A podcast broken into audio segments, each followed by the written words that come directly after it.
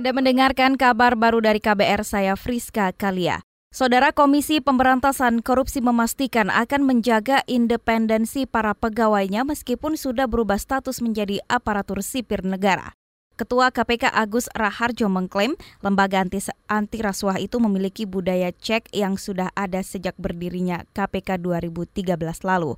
Sementara itu, untuk peralihan status dari pegawai KPK menjadi ASN KPK juga membentuk tim transisi yang dipimpin Sekjen KPK. Oh iya, jadi kita kan sudah membentuk tim, tim transisi. Tim transisinya diketuai Pak Sekjen. Negosiasi perundingan terus berjalan. Harapan kita semua dikonversi menjadi ASN. Kemudian langkah apa supaya konversi itu bisa terwujud, itu pasti nanti akan dilakukan langkah-langkah berikutnya ya. Itu tadi Ketua KPK Agus Raharjo. Dalam perubahan Undang-Undang KPK terbaru, pegawai KPK tahun 2020 akan berstatus PNS. Koalisi Masyarakat Sipil menilai perubahan status akan mempengaruhi independensi lembaga anti rasuah tersebut. Salah satunya jika kasus yang ditangani berasal dari ranah pemerintahan. Beralih ke informasi selanjutnya, delegasi Asosiasi Jepang Indonesia menawarkan bantuan pengembangan kawasan ibu kota negara baru di Kalimantan Timur.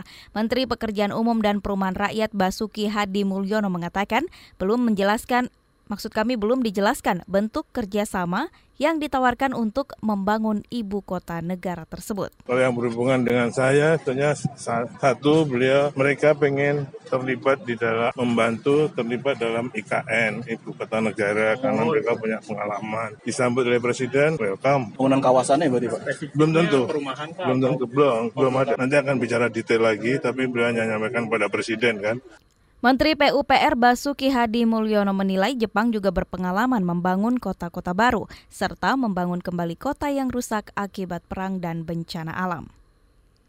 Saudara Badan Keamanan Laut Bakamla menyebut ada ancaman terorisme di Laut Indonesia yang harus diantisipasi. Kepala Bakamla Ahmad Taufikur Rohman menyebut ancaman tersebut berupa penyelundupan senjata. Senjata-senjata tersebut diduga digunakan untuk kebutuhan terorisme.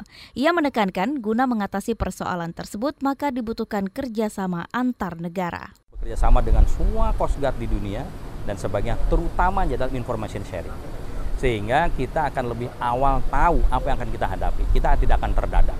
Itu yang sedang kita bangun. Sebelumnya Kepala Bakamla menemui Menko Maksud kami Menteri Koordinator Bidang Politik, Hukum dan Keamanan Mahfud MD. Dalam pertemuannya, Kepala Bakamla menyebut terorisme di laut menjadi salah satu yang dibahas. Ia mengatakan Menko Polhukam akan mempelajari hal tersebut. Demikian kabar baru dari KBR, saya Friska Kalia.